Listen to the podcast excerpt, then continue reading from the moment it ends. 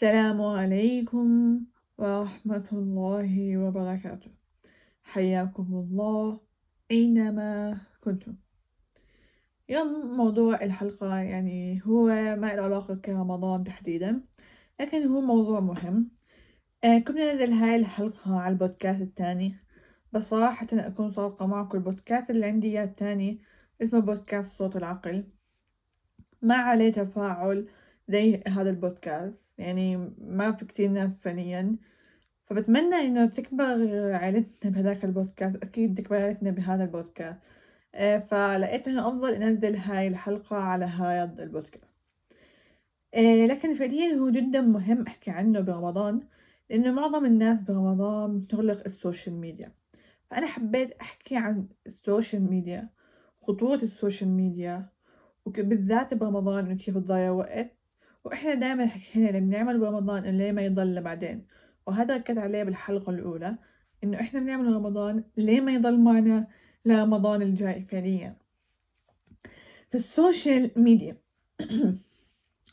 السوشيال ميديا يا جماعة يعني أنت فعليا عبارة عن بضاعة. لا يوجد إشي مجانا بنعطالك بدون مقابل وما يكون الطرف التاني مستفيد. فمادام السوشيال ميديا مجانية فاعرف إنه أنت بضاعة فعليا. بشكل عام السوشيال ميديا عاملينها بأسلوب إنه الواحد يدمن على استخدامهم. نأخذ مثال الإنستغرام. الإنستغرام اللون اللون نفسه اللون تبع ال story. أنا من نوع لما كان عندي إنستغرام يعني جد يمكن صفحة ما بحبها وعملت لها follow بغلط أو يعني أي شيء طلعت story ما بقدر ما أفتحه عن جد ما بقدر. يعني بكون مستفز. okay ممكن إذا كنت أنا أول شيء ببداية استخدامي للسوشيال ميديا أو بداية استخدام انستغرام ما عندي إدمان. okay ممكن عادي بس يوم على يوم هاي الألوان بتجذب. حتى الأيقونة تبعتها بتجذب. يعني بتكون أنت لسه مش فاتح التطبيق وشوف بس الأيقونة تبعت التطبيق بتجذبك وبتخليك تفتحها هذا كله مبرمج هاي الشغلة الأولى. فكرة المسجات إنه تكون باللون الأحمر هاي كلها مبرمجة. اللون الأحمر يعتبر إنه لون الواحد لازم إنه يفتح يعني بشجع العين إنه يفتح المسج ثالثا اللي هو التصفح اللانهائي. تصفح لانهائي هذا قاتل ودمار. يعني مثلا الجوجل فيه تصفح لكن بنتهي بآخر إشي إنه صفحة واحد تروح صفحة اثنين. بكون أحسن بكثير لو إنهم كانوا ورا بعض. تخيلوا لو يكون كان البحث نتائج البحث كله ورا بعض وما بنتهي أكيد بكون أسوأ من إنه واحد اثنين ثلاثة عدد صفحات فالتصفح اللانهائي يعني لو ضلني من هلأ لبكرة الصبح مش لبكرة الصبح للسنة الجاي ما بنتهي التصفح. وإن هم هدفهم إنه تدمن. هدفهم إنك أنت تضلك قاعد تطبيقاتهم. هم بيجوهم الإشي بدهم إياه هذا الإشي. بيجيهم المصاري بيجيهم ال... كل إشي بدهم إياه من هاي الخطوة. تصفح اللانهائي هم يعني مبدأهم بالأخير كل ما مسكت تطبيقهم أكثر كل ما هم استفادوا أكثر.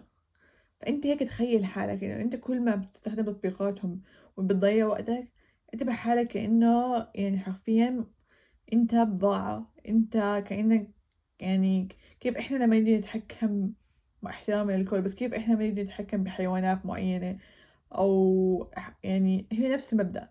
مادام كنت مضيع وقت عليه ومش عم تستخدم لصالحك فأنت نفس الإشي فعليا. هاي واقع أنا ما بحكي عنك تحديدا بس هذا الواقع. وأنا نفس الإشي أنا كنت مدمن عليه كان نفس الإشي. كانوا بيتعاملوا معنا كأنه حيوانات إحنا. نكون بدون وعي بس عم كأنه حدا ماسكنا وإحنا بنتحك... هم بيتحكموا فينا وإحنا بس وراهم لما نعرف هاي الفكرة بصير إنه أنا لما فتحت الانستغرام وأنا ما في إشي بسويه هلأ حاليا يعني بس هيك مضيعة وقت وعارف إنه أنا البضاعة أنا كأني الخروف المسكينة بترك التطبيق فورا. فبتحطوا هاي ببالكم هاي الخطوة الأولى اللي بتساعدكم إنه توقفوا الاستخدام الغير مفيد للسوشيال ميديا أنا ما بحكي تحذفوا السوشيال ميديا لأنه هذا هذا موضوع هحكي عنه كمان شوي. لكن إنه تستخدموا لوقت أنت ما عم يعني تستفيد منه. أو بس مضيعة وقت فهون أنت بتتذكر هذا المثال فبتبعد. هاي الفكرة الأولى. الفكرة الثانية تأثير السوشيال ميديا كتأثير بشكل عام للسوشيال ميديا نفسها. هلا مواقع التواصل الاجتماعي أولا حتى لما أشوف فيها حياة الناس فكرة إني أشوف post ورا post ورا post ورا post هون بعود جسمي على الدوبامين الكاذب. دوبامين الكاذب لمرحلة صغيرة بصير آه بتروح الفيديو هذا ضحكت ثانيتين بتروح بعديه اللي بعديه اللي بعديه حتى لو ما ضحكت بس في الهرمون دوبامين عم بيشتغل. عم بيكون عندك تحفيز إنه يلا شوف إيش بعدية إيش بعدية. حتى لو كان موضوع تافه حتى لو كان موضوع أنت ولا عمرك متخيل إنك تفتحه أو تحضره. فهذا في تأثير على خلايا مخك على خلايا دماغك فعليا. ثالثا خاصة لما تشوف حياة غيرك حتى لو حياة صحابك. يعني أنا هلأ صاحبتي ليه أشوف شو عاملة بحياتها؟ okay ممكن نبعث صورة باليوم خلص صورة باليوم إيه مش كل يوم كمان. فتخيلوا هذا شخص واحد ما بالك إنك أنت بتشوف مليون شخص على ال social media. هذا الإشي بيأثر على حياتك بشكل أنت ما بتحسه. حرفيا أنا جربت إنه ابعد عم أرجع لقيت إنه فعلا بدون ما أحس بأثر على حياتي سلبا. انت عم بشوف حياة هذا الشخص وهذا الشخص. وأكيد بالسوشيال ميديا ما حدا بنشر وببكي ما حدا بنشر لحظاته السيئة. تمام؟ أنا عم بشوف اللحظات الحلوة. طب مسكت التليفون وأنا زعلانة بصير أقول أوه اسمعي انت يمكن ما تحسوا بس يوم على يوم حتى لو ما صار هاي اللحظة انه كنتوا زعلانين لا بصير مخك خلص يعني اللي عم بشوفه بتخزن جوا مخك. بيعطي ردة فعل سلبية بيعمل حزن بيعمل كآبة بتحس حالك انت ما عم تسوي شي بالحياة بتحس انه الناس أحسن منك انت حدا فاشل و و و و وانت مش عم تنجز بحياتك وانت مش عامل إشي وغيرها. فعلا. حتى أصحابك ما في داعي تشارك في ال social media. ما في غير صاحب مقرب واحد أو اثنين هذول مثلا ممكن تحكي معهم على ال private تبعث له صورة إيش عامل بتصور. يعني صورة واحدة صورتين ما بتبعث له طول حياتك. ليش تشوف حياة مية شخص أقل شي في ناس عاملين follow لألف شخص ما بيعرفوه طب ليه؟ هذا كله يعني كأنك عم ترمي سم على حالك حرفيا. هاي الفكرة الثالثة فعرفنا شو خطورة ال social media إنه دوبامين كاذب كيف تأثر على حياتك. والإنستغرام أنا ما كنت كتير على الإنستغرام بحس إنه أكثر تطبيقات مستخدمة. هو بين سبعين من من حالات الاكتئاب depression سببه الإنستغرام. ناس ما بتحس لكن أنا ما بحكي تانية إنه نحذف ال social media تحذفها يا سلام. لكن في ناس مبدأ عملهم آه، أو في أشياء معينة بكون على ال social media. على ال social media جدا كثير تمام؟ جدا جدا كثير. في واتساب في تليجرام في إنستغرام في فيسبوك في سناب شات في تيك توك يوتيوب حتى يعتبر من ال social media في جوجل and so on لكن نركز على أهم التطبيقات اللي هي ممكن نحكي الواتساب فيسبوك إنستغرام سناب شات الإنستغرام. التصفح اللانهائي جدا سيء. الفيديوهات بتطلع جدا سيئة. أول شي فيها أغاني وبكون محتواها أصلا سيء. وجدا جدا سيء تتابع الناس. يعني في ممكن صفحات في منهم لكن نسبتها عشرة بالمية. فإنه ما إله داعي الإنستغرام صراحة. أنا هيك برأيي السناب شات إيش بدك فيه؟ تصوير التصوير حلو واحد يصور حاله على طبيعته. ما في داعي للفلاتر. ما في داعي سناب شات. الفيسبوك الفيسبوك هو مصدر الكآبة حرفيا. أنا هيك بسميه. فيسبوك هو سلبية حرفيا. بس الإشي الوحيد بحس الفيسبوك اللي هي ممكن الجروبات تحتاجها. فنزل ادخل على ال group يا عمو بس خمس دقايق باليوم.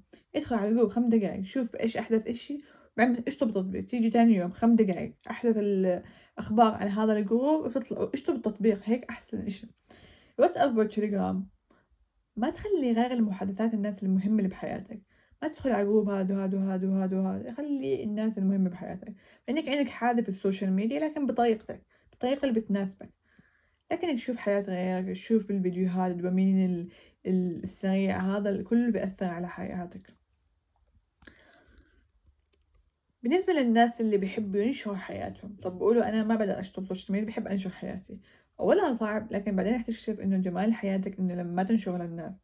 الله سبحانه وتعالى أو رسول أوصى رسوله عليه الصلاة والسلام داووا أموركم بكتمان ما في أحلى من إنك أنت تخلي حياتك شخصية ما حدا يعرف عنها لأنه العين حق.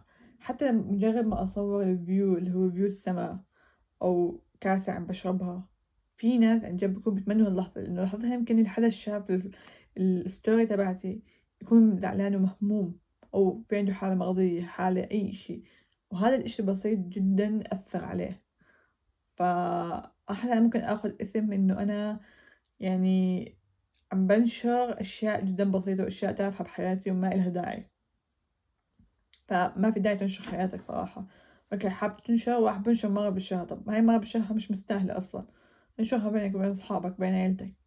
فاهمين كيف؟ الفكرة إن نعيد شو حكينا؟ الفكرة أول إشي إن ال social media هي مصدر كآبة مصدر حزن.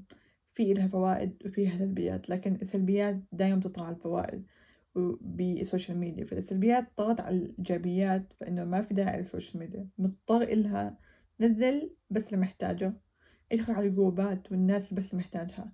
وأنا نصيحتي إنه بتخصص وقت معين عشر دقايق بتنزل التطبيق بتشوف بدك إياه عشر دقايق بتحذف تطبيق خلص. هاي عشر دقايق باليوم. تيجي تاني يوم نفس الإشي بتشطب بتشطبه. حسيت حالك بلشت تدمن شوي اترك يومين مثلا تطبيق. فاهمين كيف؟ كل شي تدريجيا تتعود بصير عادي عندك. بس لما تكون أنت عارف إنه أنت بضاعة أنت سلعة فأنا ما بدي اخضع إني أكون سلعة ما بدي اخضع إني أكون أنا الخروف المسكينة. فهذا الإشي جدا بيساعدك. فهذا هو كان موضوعنا. لكن بدي أدخل موضوع رمضان فيه. نفرض أنت حدا مدمن على ال social media لكن إلي شهر رمضان شهر العبادة شهر تفرغ الله سبحانه وتعالى الدقيقة بفرق معك لأن هي أيام معدودات وراح تمر فعليا. كثير كثير كثير ناس حتى في يوتيوب YouTuber ما شاء الله قبل رمضان بيوم حكى إنه أنا حأديكوا بعد رمضان إنه بدي أتفرغ للعبادة والذكر. فكان إشي جدا جميل هو هذا شجعني إني أعمل هذا الحلقة. وهو هيك الشعل ممكن نحكي الفكرة اللي بمخي. فأنت هاي الساعات اللي بتقضيها على ال social media اللي برمضان أولى فيها تقرأ فيها قرآن الأولى تستغفر الأولى تصلي وغيرها. فهون الفكرة إنه ممكن هالشهر okay بتحكي أنا عشان شهر رمضان بدي أشطب social media بعدين برجع. فعليا اللي بيشطب social media برمضان رح يكتشف إنه بعد رمضان أنا ما بدي أنزل. وإذا نزل حيقل إدمانه حيقل حيتغير تفكيرنا والله أنا كنت مبسوط بهالشهر فأنا مع إنه تشطبوا ال social media بشهر رمضان جربوا إنه بشهر رمضان شوفوا الفرق.